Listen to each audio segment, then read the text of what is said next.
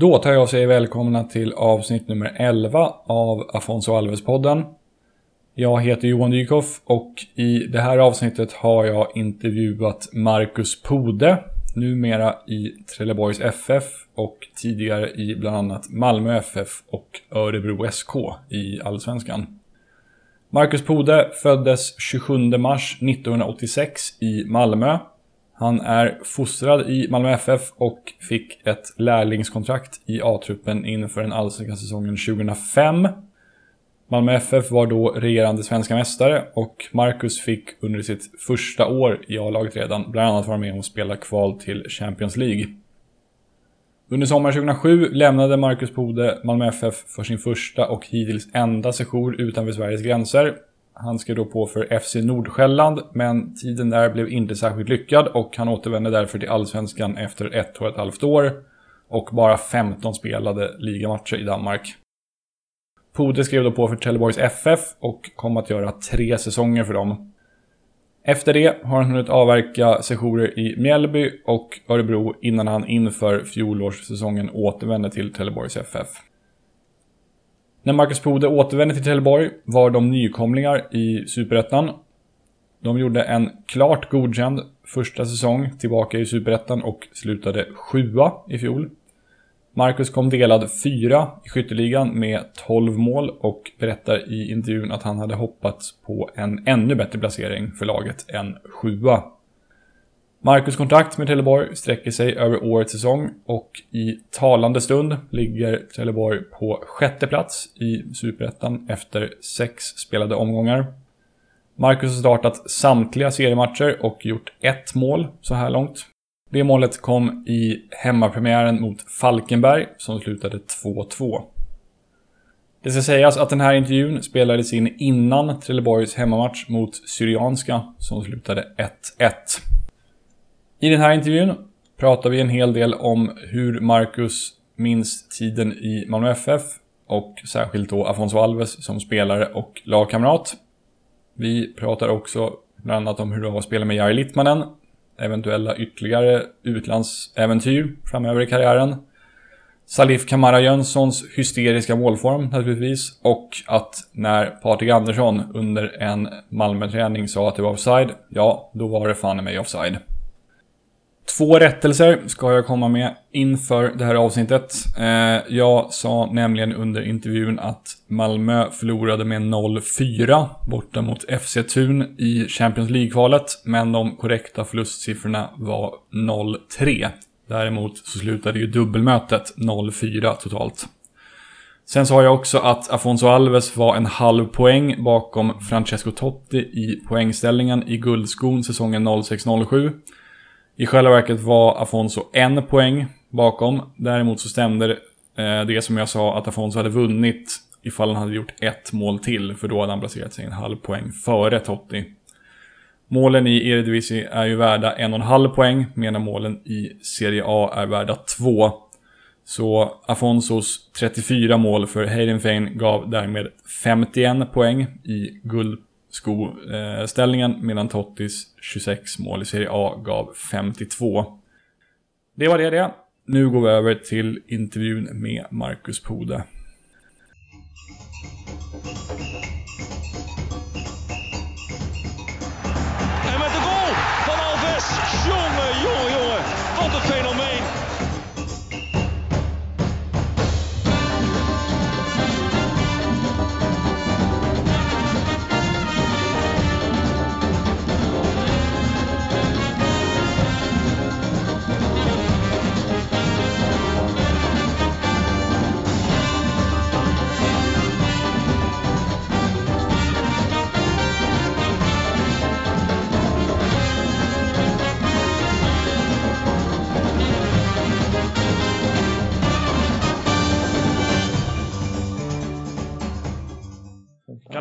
Med faktarutan då. Så då börjar vi med fullständigt namn.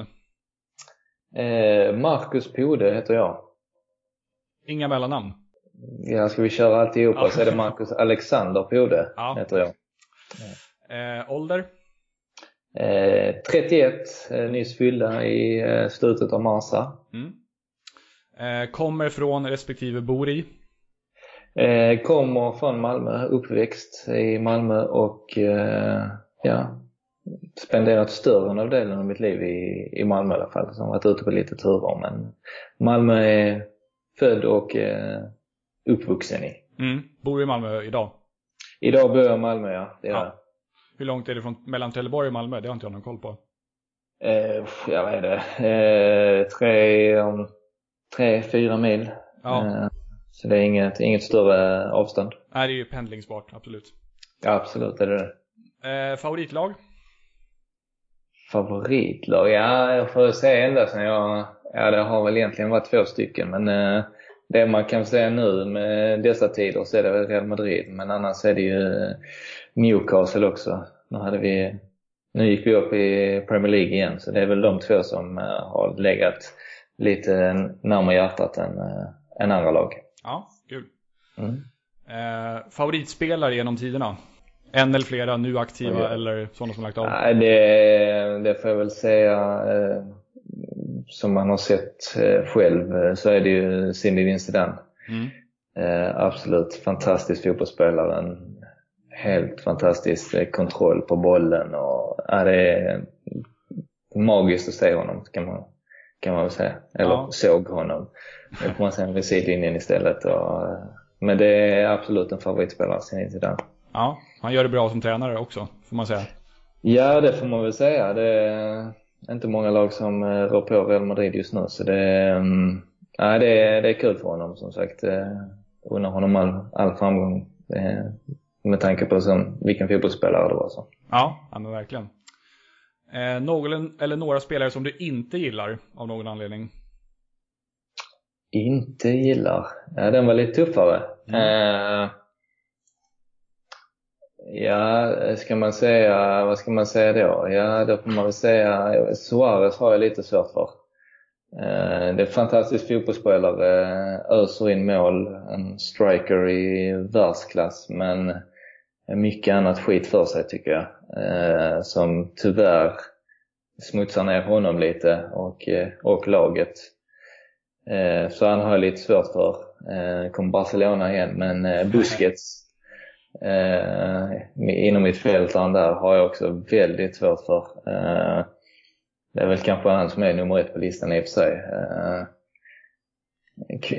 kvider lite väl mycket tycker jag. Eh, när det väl är han själv så är det inte så mycket men så fort det är någon som är i närheten av honom så, eh, så är det det värsta som har inträffat ungefär på jorden. Eh, det är väl lite den känslan man får. Ja. Så det är väl kanske framförallt de två spelarna. Sen att det råkar vara Barcelona, det, det säger jag ingenting om. Nej, det bara råkar bli så. det råkade vara så, ja. Precis. Är det någon som du har spelat mot som du upplever att du liksom särskilt ofta har börjat tjafsa med? Och Henrik Rydström gills inte, för det är så självklart. Det, nej, precis. Nej, men tjafsat. Nej, jag, eh, jag har fått höra det rätt mycket att jag inte... Jag är svår, och, jag är svår att tjafsa med, har jag hört från många, i alla fall lagkamrater. Mm. Ehm, så jag... Ehm, jag tror inte jag har tjafsat med så många. Det är lite tugg. Som sagt, Rydström är bra på att tugga, absolut. Uh, Anders Svensson är en annan. Mm. Eh, som är bra på att tugga lite. Eh, så det är klart man, eh, man tuggar lite så, men tjafsa med, jag, jag tror aldrig jag har varit, varit en som lägger energin på det faktiskt. Utan det, är, det, det, har varit lite, det har varit lite tjat som sagt, men det är ingenting, det är ingenting man, man lägger på minnet i alla fall. Nej, okej. Okay. Eh, då ska vi se, en företeelse inom fotboll som du inte gillar? En företeelse som jag inte gillar. Uppvärmning, är det en företeelse? Ja, men det kan det vara. ja. Eh, nej, jag, vet, jag såg, eller jag läste en intervju där med Pirlo som sa att uppvärmning var det något av det värsta som eh, någon tränare har kommit på som han inte gillar. Jag, jag får väl hålla med om det, utan uppvärmning är något av det, något av det tråkigaste inom fotbollen, får man säga. Lite beroende på vad man gör. Men eh, oftast är det liksom jogga igång och, och bli varm. Och det, det är väl inte det, det, är inte det roligaste som finns med, med fotbollen kan man väl säga. Nej, verkligen inte. Eh, en spelare vars skor du själv gärna hade varit i, i ett visst ögonblick? Oj. Ja det, ja, det finns många spelare som man har velat i, vara i deras skor. Eh, Nej, men eh, just för att eh, knyta samman där med favoritspelare, Zidane, när han avgjorde VM-finalen mot Brasilien.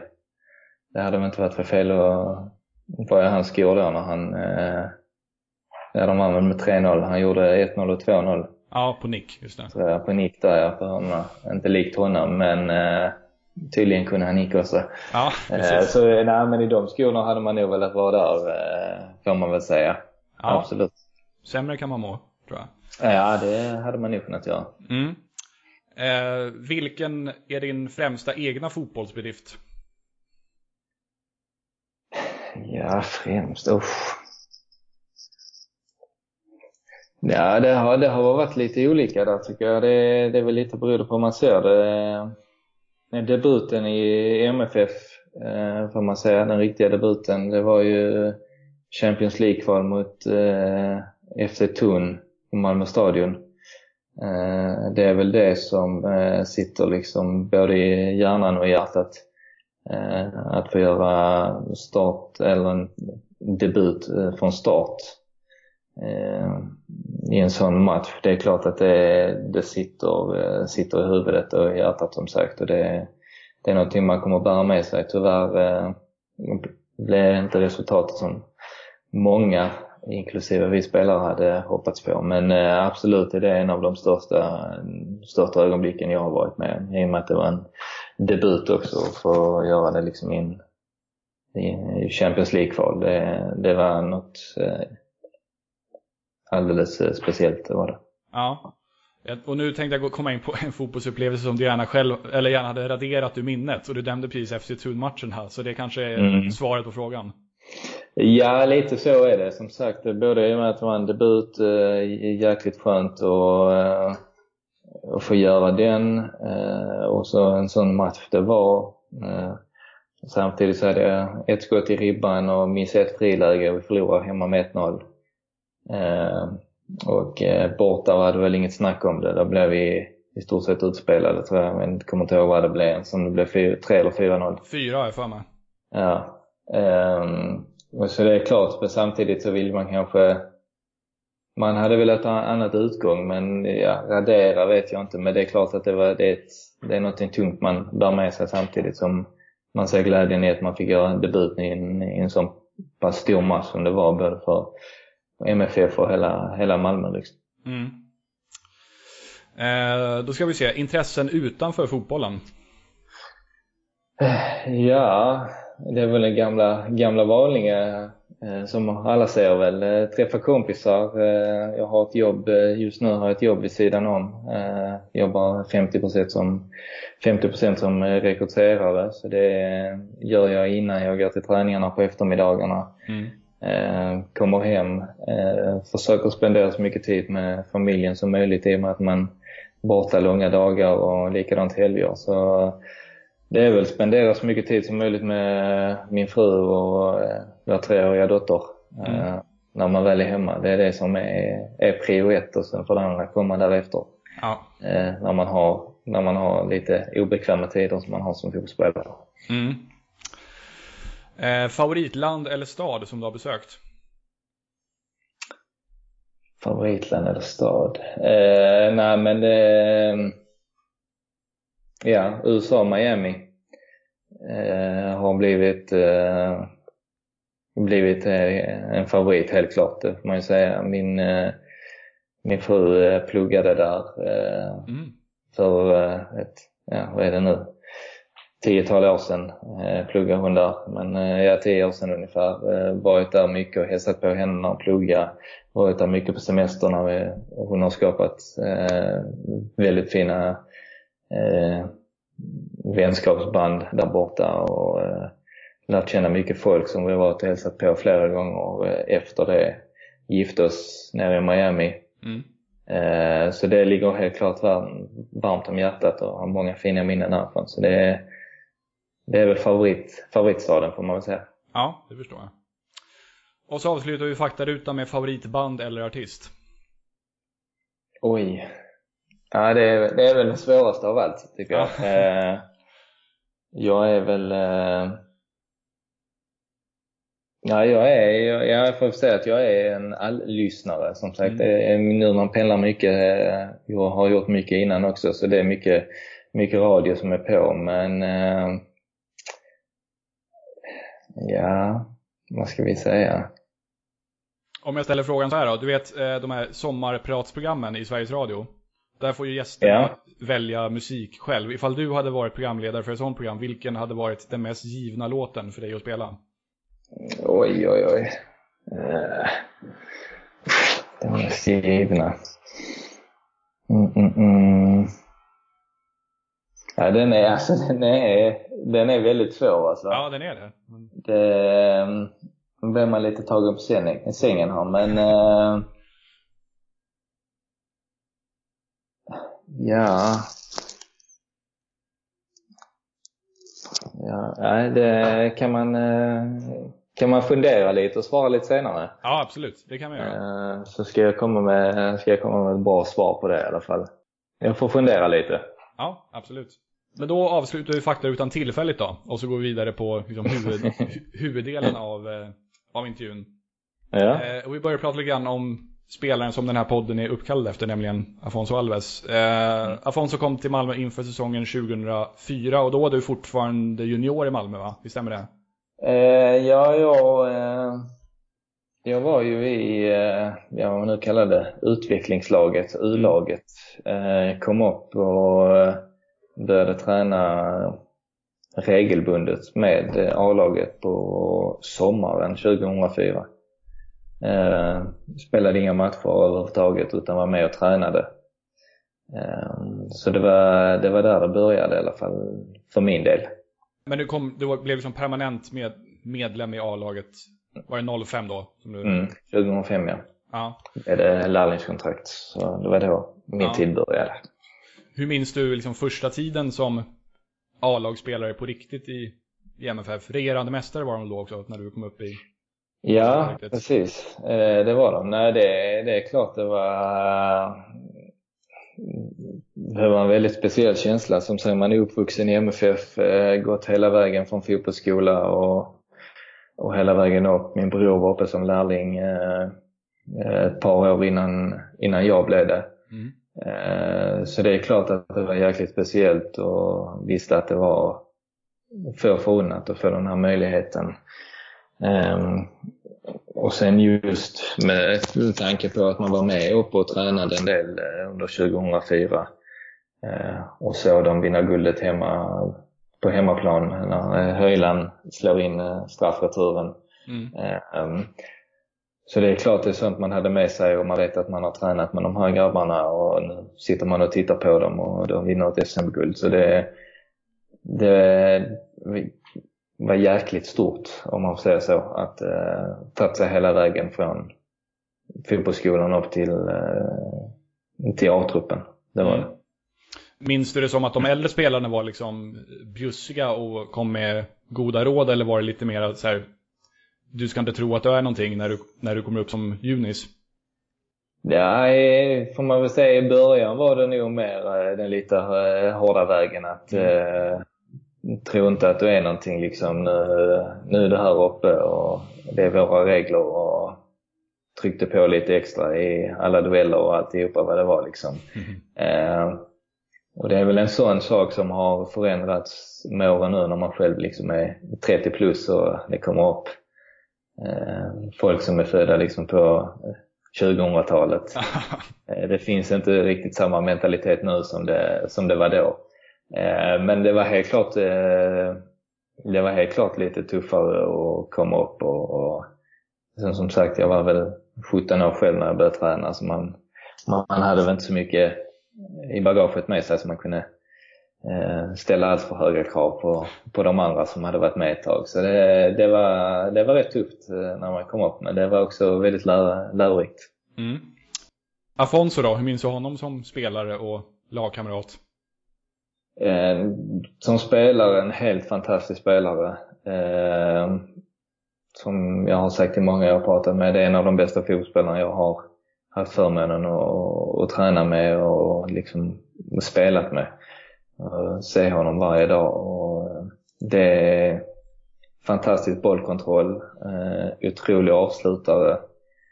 Eh, en speed och en teknik som var helt fantastisk. Så det, jag skulle säga att det är, som jag sagt till andra också, att det är, det är en av de bästa fotbollsspelarna jag har, som jag har spelat med i alla fall. Mm. Som person då? Det har man inte så bra koll på, men hur, hur minns du honom som eh, lagkamrat? Eh, han var... Eh, den uppfattningen jag hade av honom var ju att han var väldigt, eller väldigt, han var, han var lite tillbakadragen. Han mm. gjorde inte så, eh, tog inte så stor plats som, som eh, många av de andra gjorde. Eh, om man säger så. Eh, men eh, kom ändå med en hel, hel del bra tips eh, till mig. Eh, eh, I alla fall på den tiden då när vi spelade ihop och, det, eh, och då en del grejer som jag, han tyckte att eh, både jag kunde bli bättre på och som jag kunde tänka på när vi, eh, när vi spelade. Så det, men en, ja, en lite blygsam ska man inte säga, men tillbakadragen person. Eh, men som visade vad han gick på ute på fotbollsplanen och sen var han lite lugnare när man väl kom därifrån. Kunde han flytande svenska mot slutet av tiden? Minns du det? Ja, kunde han det? Eh, nej, jag, ja, flytande tror jag inte, men eh, i alla fall... Eh, hjälplig? Typ. Ja, hjälplig. Man kunde ju förstå honom och jag har väl sett den här eh, när han kör eh, skånska med Hasse Mattisson. Det, det, det är väl ett tecken på att man kan klara det, det mesta i svenska om man kan klara skånskan. Så det, eh, nej, men det, eh, det, det gick att förstå honom, absolut. Det gjorde det. Mm. Minns du det som att han var liksom som vilken spelare som helst i truppen eller var det lite stjärnglans och specialbehandling kring honom?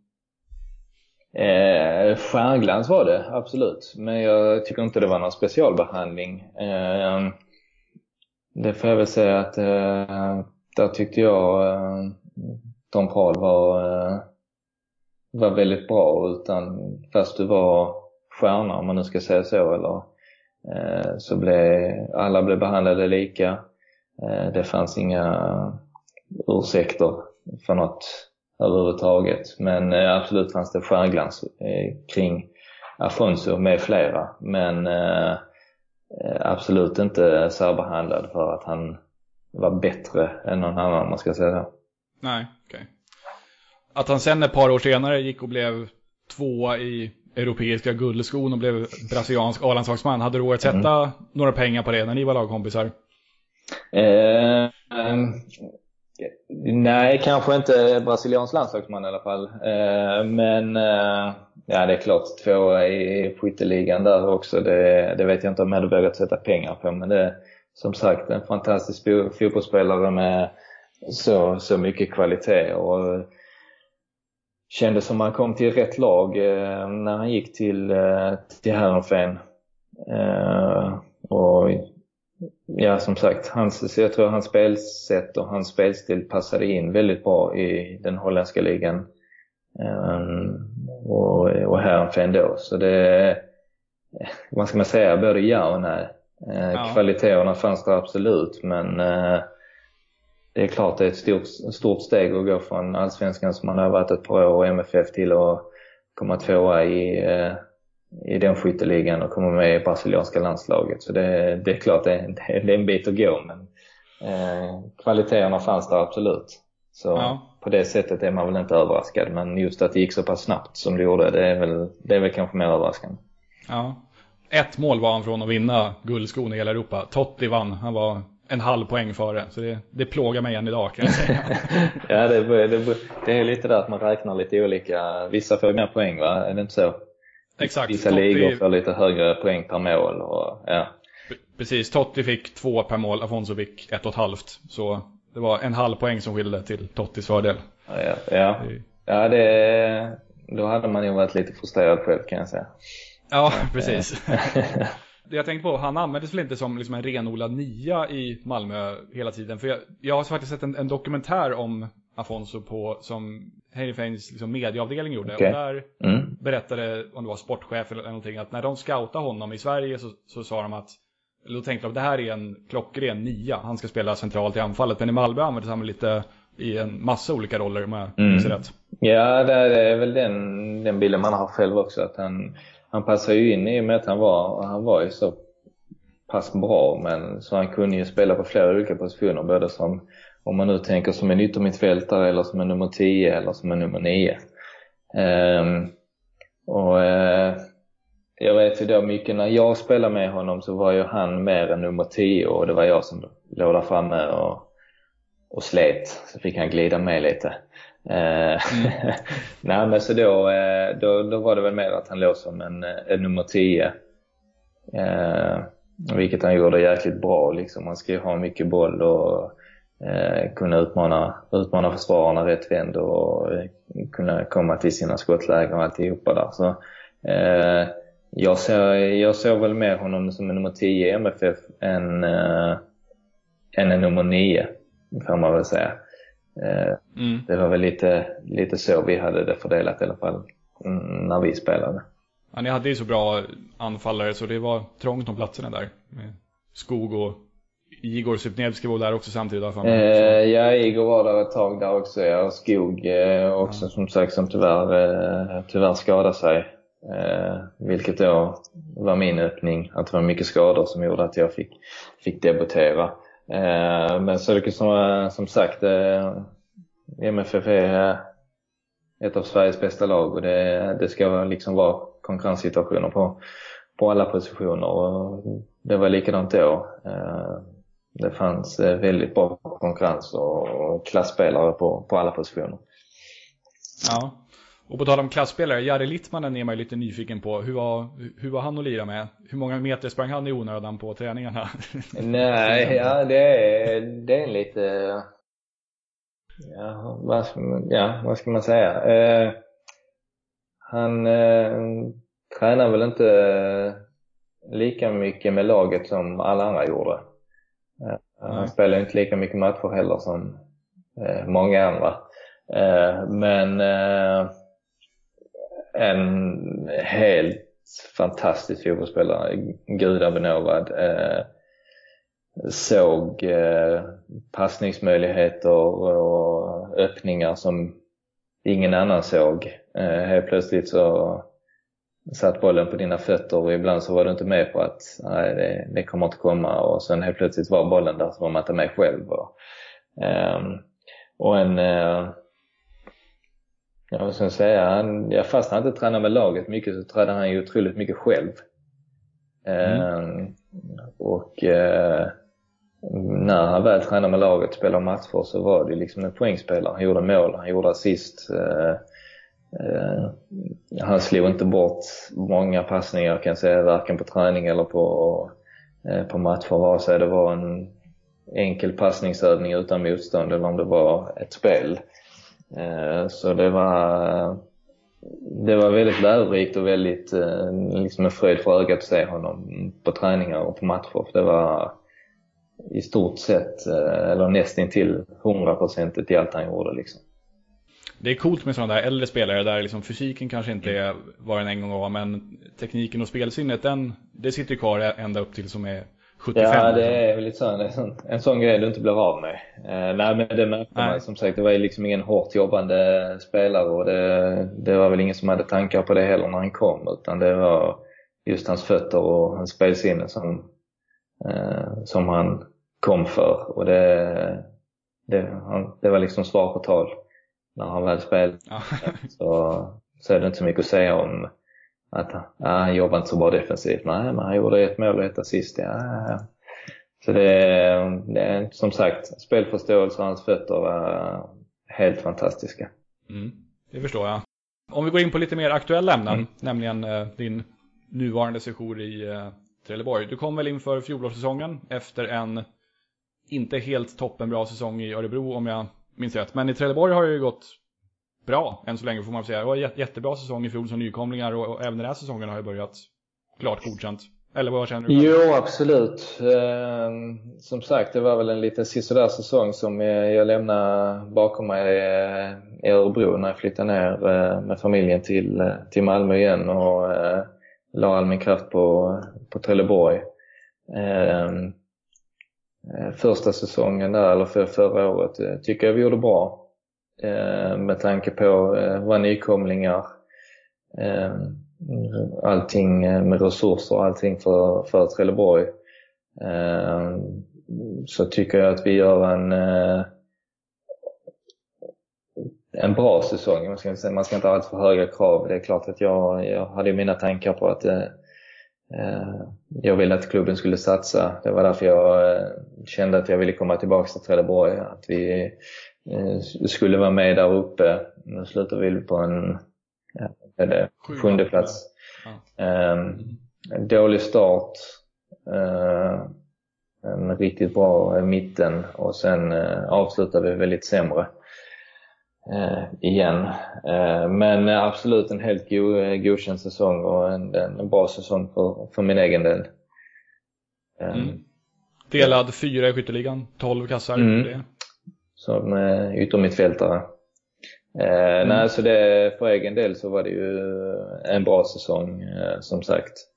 Eh, och sen detta året har väl börjat eh, ja, man får väl säga okej, okay, nu ska man inte dra allt för stora växlar efter eh, två vinster här med 6-0 och 4-0. Men eh, om man tittar på de tre första som, som eh, jag gör i alla fall så är det eh, Eh, jag är inte helt nöjd med hur, hur vi har spelat och hur vi har presterat som lag.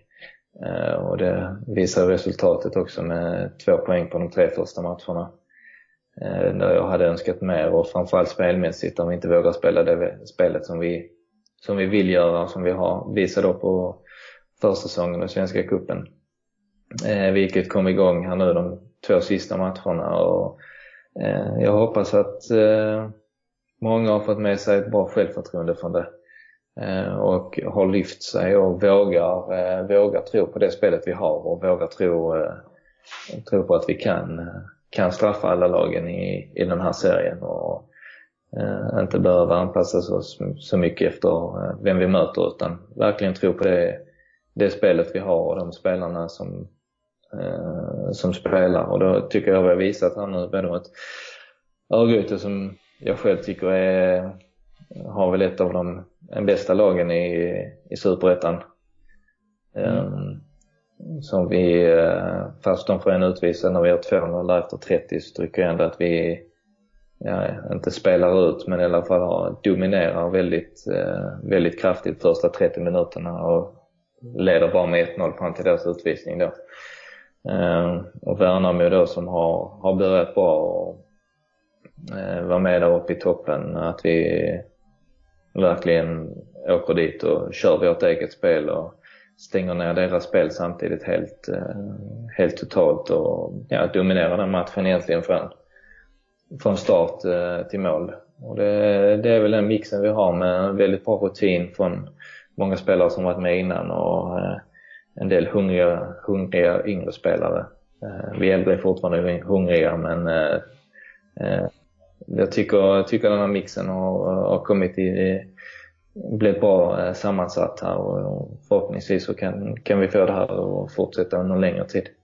Du nämnde självförtroende där. En som verkar ha rätt skapligt självförtroende det är ju Salif Kamara mm. Jönsson. Vad, vad har ni matat honom med? Nej, jag vet veckorna? inte men eh, jag frågade honom efter han gjorde fjärde nu senast att han måste ha käkat någon typ av magnet eller någonting för all, alla bollar som går in i straffområdet hamnar antingen på huvudet eller på fötterna på honom och det är det är, det är en boxspelare, han ska vara där inne och det är väl lite det diskussionen har varit innan att han kanske har rört sig lite för mycket utanför straffområdet och inte varit inne i boxen när väl lägena kommer och nu senare tid har han, har han befunnit sig där inne och det, det har gett resultat. Eh, öst in mål i division 1 eh, för två år sedan. Eh, eller har gjort under en längre tid men framförallt då för, för två år sedan. Eh, fick en skada förra året som gjorde att han eh, kom lite ur balans där och missade en del. Men ja, någon typ av magnet måste han ha käkat där, för det är, ja, det är, det är imponerande. Det måste vara någon typ av rekord att göra fyra i två rad i alla fall. Det, det... Ja, det är ju Afonso-mässigt om man ska gå in på honom. Ja, det är, eh, nu är Salif lite äldre. Han är väl 34 nu så vi får väl se eh, med eh, någon som börjar ringa här efter honom. Men, nej, men det är som sagt, det är, en, det är en boxspelare. Han ska vara där inne och han är livsfarlig när han får bollar att jobba med. Och det har han fått här nu på slutet och det, då har det gett resultat. Så det, det är bara härligt. Ska man vara med uppe i toppen på vilken liga som helst så behöver du, så behöver du anfallare som är, levererar mål och är med uppe i skytteligatopparna.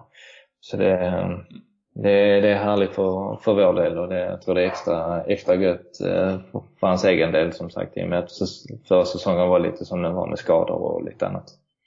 Kan du minnas något liknande i, i målformsväg från antingen dig själv eller lagkamrater där liksom allt har gått in i några matcher i rad? Sådär? Ja, ja alltså, jag vet ju själv att jag hade en streak i Örebro där, men det var inte, det var inte fyra per match utan den låg man väl kanske på ett per match eh, och det var man ju nöjd med.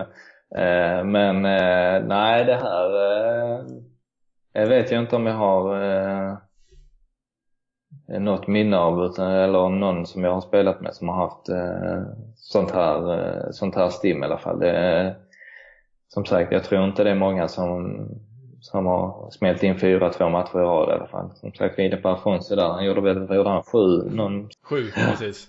Ja, så eh, Salle har en bit, eh, en bit kvar där så att vi kommer till Afonso-klass. Men eh, nej, men annars tror jag inte det är någon som jag kan komma på i alla fall som är, har varit i ett sånt stim alltså.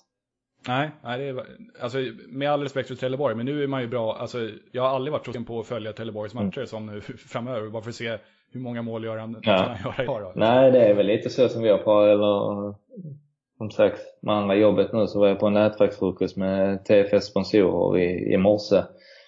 Och eh, sa så, så att eh, den publiciteten som eh, har varit nu, det handlar liksom om Trelleborg och Salif och hans målform och hur Trelleborg spelar. Och, eh, det har det kan jag inte komma ihåg senast det pratades om Trelleborg och en, en anfallare i Trelleborg med det här målstimmet. Så det är förhoppningsvis så kan detta locka eh, trelleborgare till, eh, till Vångavallen för att, för att se våra matcher. För vi, vi spelar en bra fotboll och vi behöver, vi behöver stödet. Så det, jag hoppas att det här kan ge ringar på vattnet. Ja. På tal om veteraner förresten, Fredrik Persson, han är kvar i truppen fortfarande? Absolut. Jag såg faktiskt hans allsvenska debut eh, på plats 2001 på Söderstadion. När han släppte in en, fris en frispark från 35 meter efter typ 40 sekunder. Jaså? Eller någonting. Det ska jag ta, det ska jag ta Borta... Jag vet inte om ja, kommer ihåg det själv, eh, antagligen inte. Jag, jag, tror han blev intervjuad i halvtid. Det var en sån match, Bayern var med 4-1. Alla deras mål var liksom drömmål. Det var skott i krysset och voll, så här, riktiga voll, volley, drömmål liksom. Så var, han var väl 18 mm. eller någonting då. Så var han inte den mest optimala debuten i Allsvenskan kanske. Men, men det är då det är, då det är kul att vara målvakt när det bara blir drömmål helt enkelt. Det är då Ja, nej, man, man, kan, man kan inte beskylla honom för något av de nej. målen. Det, det vore jävligt... Det ja, nej, men han är kvar och han, har, eh, han kämpar på. Nu har det väl varit att eh, Marco Johansson då eh, från MFF har spelat de, de inledande matcherna här. Men Fritz är, det är en bra målvakt och det, han har väl något, något rekord i Superettan med flest antal hållna nollor tror jag. Mm. Och lite, lite vidare. Så det vi har två bra målvakter eh, i truppen, vilket inte alltför ofta eh, många lag har. Eh, så det är bara för honom att fortsätta köra. Ja. Din egen situation då? Stämmer det att ditt kontrakt går ut efter den här säsongen? Ja, mitt kontrakt går ut därefter. Hur ser du på framtiden efter det? Ja, vi får väl se vad som händer. Eh, som sagt, eh, fyller 32 i början av nästa år. Eh, nu är nu har jag mina tankar här på att eh, göra det så bra som möjligt. Eh, och jag har fortfarande en, en drivkraft inom mig att jag vill, eh, jag vill spela högre än Superettan. Eh, jag tyckte att det var något intressant som Trelleborg hade, eh, jag hade på gång eh, när jag pratade med dem efter, eh, när mitt kontrakt gick ut med Örebro eh, och kände att det var någonting som jag, jag trodde på och jag gärna ville vara med om.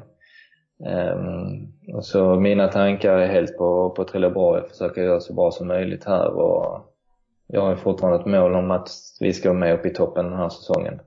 Um, och det, det vet väl alla, alla som känner mig och alla, alla i Trelleborg också att jag, um, jag siktar uppåt och sen kan man kanske gå ut och säga att vi ska vara med och klara oss i mitten och över halvan men eh, jag har sagt hela tiden att vi ska vara med där uppe och jag tycker vi har ett så pass bra lag.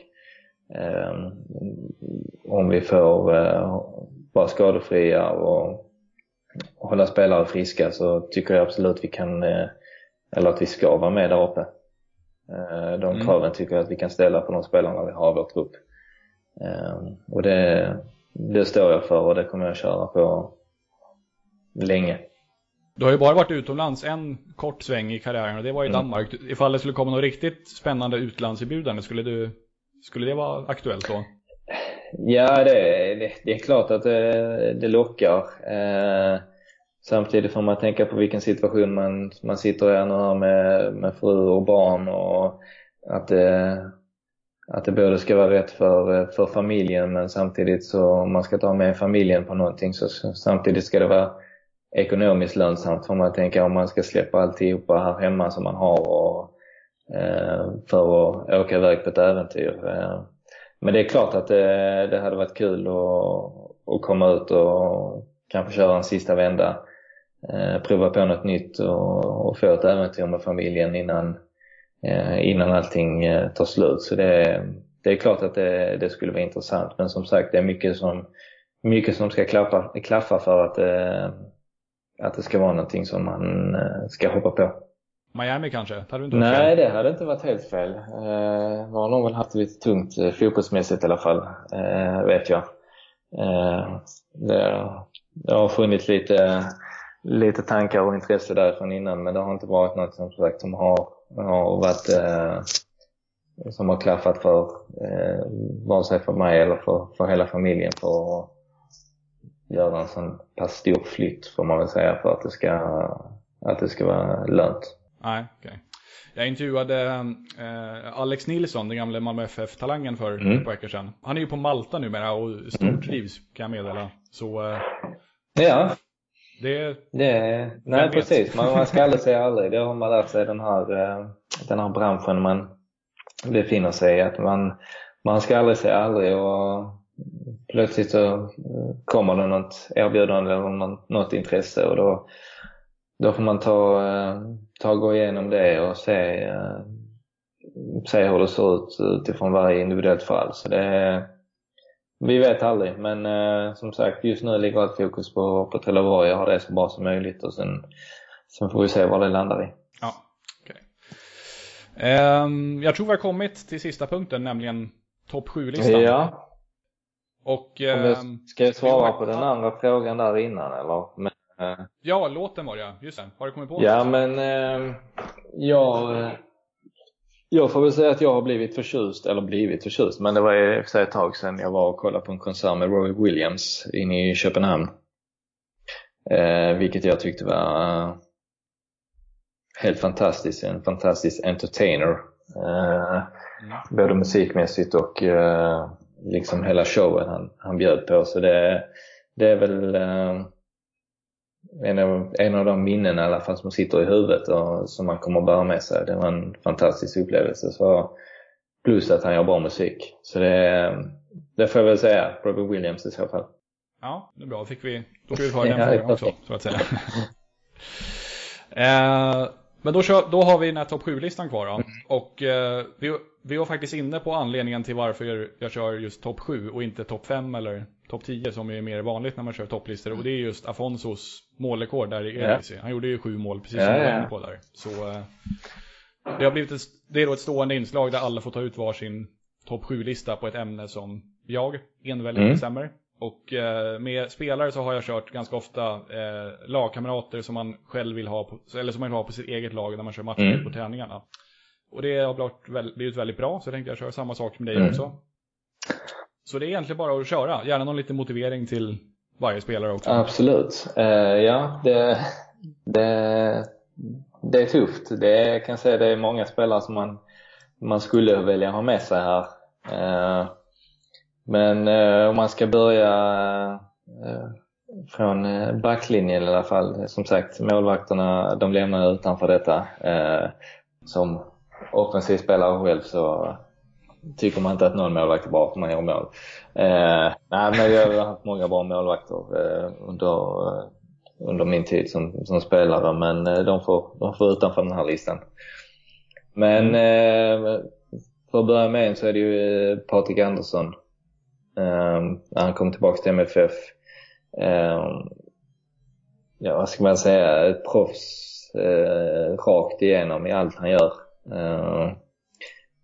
En fantastisk rutin. En, eh, eller positionsspel som man inte hade varit med om innan. Om man eh, eh, ska jämföra med de, de allsvenska spelarna. Utan det är proffs rakt igenom och sen hade han väl ett stort inflytande på Tom också i och för sig. Så när, det, när Patrik sa offside så var det offside och det, då lyssnade folk på det. Så på träningarna så blev det avbrott om det var, om det var Patrik som sa att det var offside.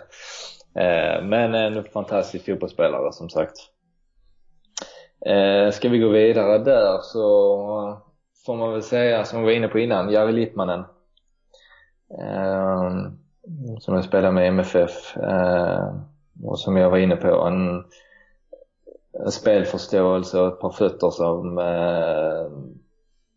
jag nog aldrig har sett tror jag. Och som jag var inne på, som jag sa att eh, ibland tror man inte att han ser en och man tror inte bollen ska komma och sen är plötsligt har man den vid fötterna och någon gång så är man inte med på det själv utan han eh, tänker, tänker något steg längre än eh, eh många av de medspelarna hade i MFF, i alla fall när han spelade där inte helt olikt hur det känns med Källström i Djurgården nu. Ja, lite så kan det nog vara. Utan det är en helt annan, eh, lite annat tempo och ser saker eh, på ett annat sätt, eh, tycker jag. Som sagt, det är väl kanske inte så konstigt att han har en, eh, en staty i, i Finland och lite annat. Utan eh, det, ja, det är en helt fantastisk fotbollsspelare. Mm. Ja, vad ska vi ta sen? Danmark, min tid där, Nordsjälland. Isi Nakajima Faran heter han. Kanadensisk, eh, kanadensisk japan tror jag han var. Eh, spelade för kanadensiska landslaget. Eh, yttermittfältare. Eh, grymt bra teknik. Eh, fantastiskt en mot en. Eh, poängspelare, gjorde mål och gjorde assist och, och alltihopa. Men eh, även en eh, väldigt hårt jobbande yttermittfältare som inte, inte var rädd för att smutsa ner sig om man säger så. Utan det var liksom stenhårt jobb och samtidigt otrolig kvalitet i allting han gjorde offensivt. Eh, eh, så det, det är väl en spelare som jag kan tänka mig att ha med. Mm. Vad har vi mer? Eh, Örebrotiden. Astrid Ajdarevic. En av de bästa vänsterfötterna jag har spelat med överhuvudtaget. Har, eh, har egentligen allt, tycker jag, eh, för att lyckas. Eh, ett huvud och ett psyke som är helt otroligt. Eh, tror väldigt mycket på sig själv, vilket han ska göra.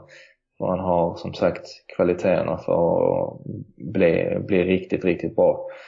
Eh, och det tycker jag, eh, visst nu var han utomlands i någon omgång där innan han kom tillbaks, eller kom till Örebro och mm visade vad han gick, i, gick för allsvenskan där han var outstanding. Eh, så inte så kul att ha en sån spelare när du konkurrerar på samma position men eh, det det var, nej, det var väldigt eh, lärorikt och det var jäkligt kul att spela med honom och det, det fick man ut mycket av. Tycker ja, jag absolut.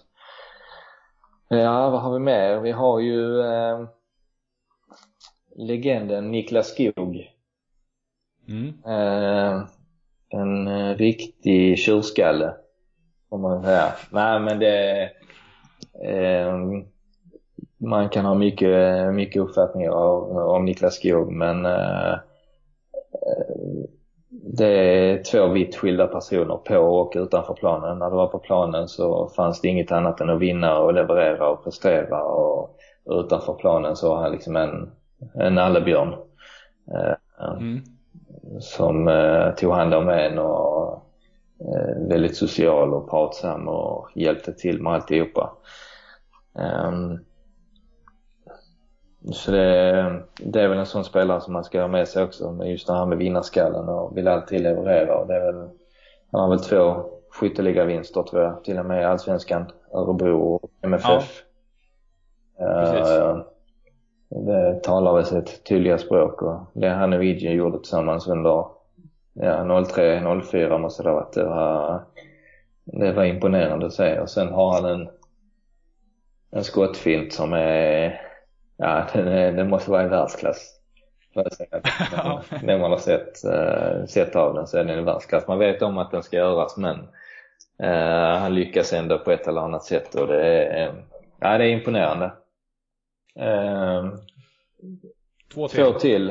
Uh, ja, vi sparar väl den bästa till sist. Men uh, Marcus Rosenberg uh, måste jag säga ska vara med. det, det är en av de bästa anfallarna jag har, har tränat med och spelat med kan göra mål på, på allt. Eh, fast det inte är något läge så kan han ändå hitta det. Eh, jobbar stenhårt. Eh, har alla de här kvaliteterna och har ju verkligen visat det nu eh, sen han kom tillbaks efter sin utlandssession men likadant när han var utlånad till Halmstad och vann skytteligan där, var nästan SM-guld till Halmstad och sen kom tillbaks till Malmö och Eh, levererade där och sen har gjort det bra utomlands. Så eh, efter han kom tillbaka nu efter sin utlandssejour och eh, tycker jag är en, eh, den största bidragande orsaken till att eh, Malmö är där de är idag. Liksom. Att det den ledartypen han har blivit efter den här tiden ute och det han visar på planen och har gjort för MFF är, ja, det, är, det är riktigt stort och det, mm, det tycker att MFF har mycket att tacka honom för, om man säger så.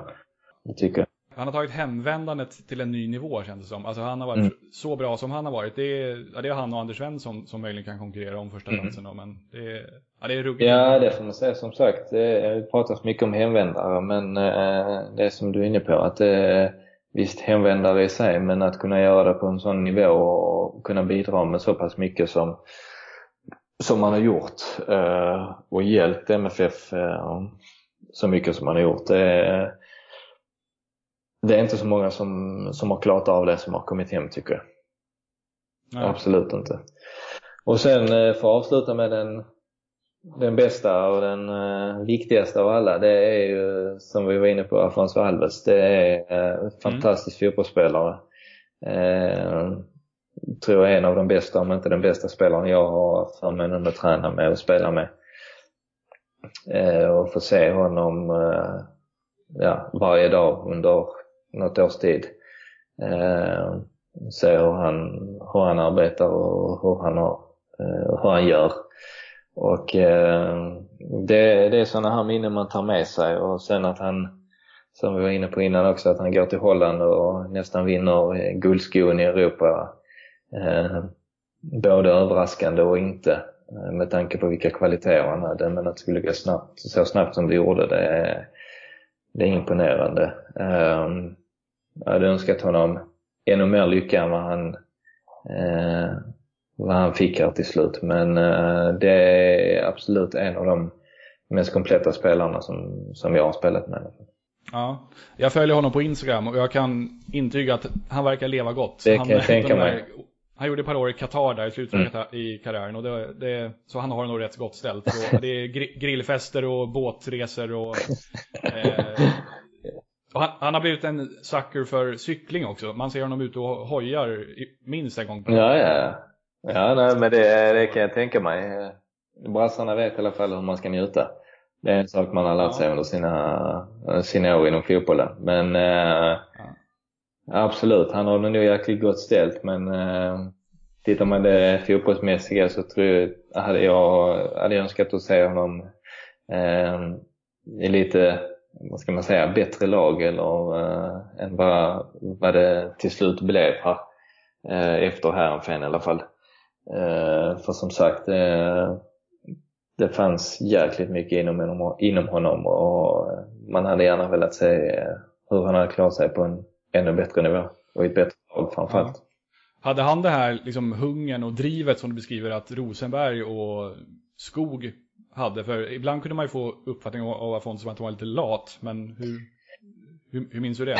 Nej, ja, alltså det, det, det är väl den uppfattningen många har om mig också. Jag tror det är lite med eh, kroppsspråk och, och lite sådär. Och jag tror inte det är kanske någonting som du kan, Eh, kan ändra på, eller är inte så enkelt att ändra på. Jag tror framförallt eh, absolut fanns det en drivkraft och en, en vilja att eh, varje dag vinna och att du skulle vara bäst och, och allt det här. Det fanns det, men sen finns det olika sätt att visa det på.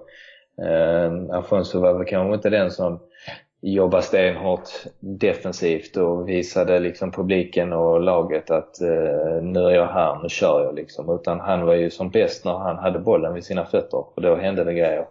Eh, I jämförelse då med eh, Jarim Littmanen som var likadan. Det var ingen hårt jobbande men när han hade bollen vid fötterna så hände det grejer. Han såg saker som ingen annan gjorde och Afonso kunde liksom eh, komma till avslut från ingen situation som helst och hade ett fantastiskt skott.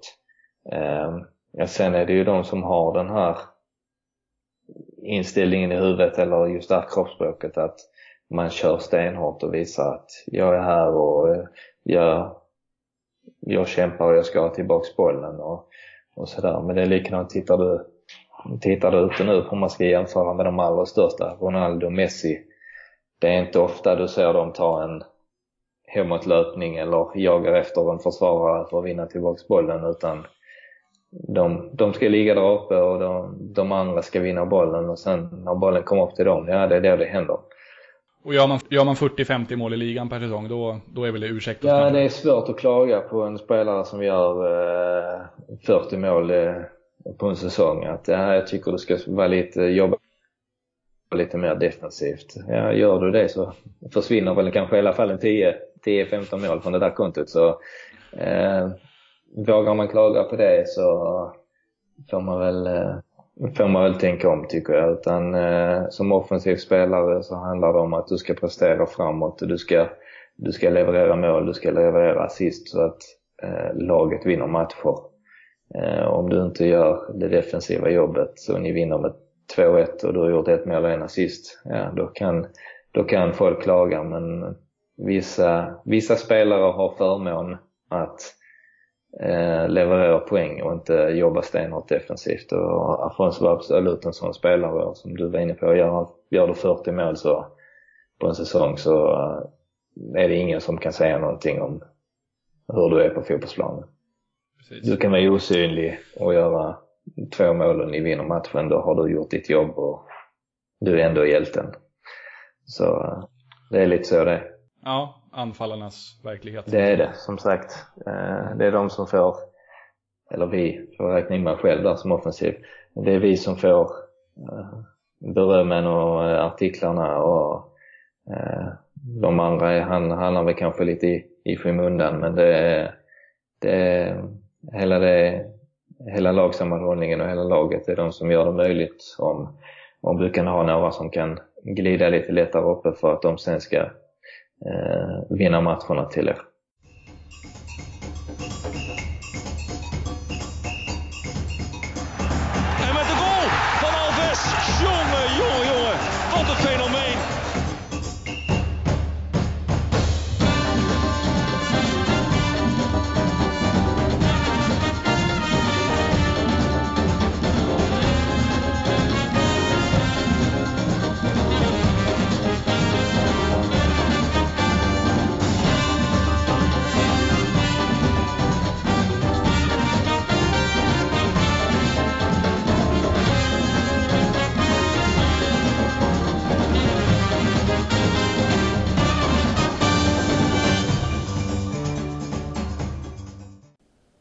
Sådär ja, då tackar vi Marcus Pode för att han tog sig tid att ställa upp på den här intervjun. Och vi önskar honom och Trelleborgs FF all lycka framöver.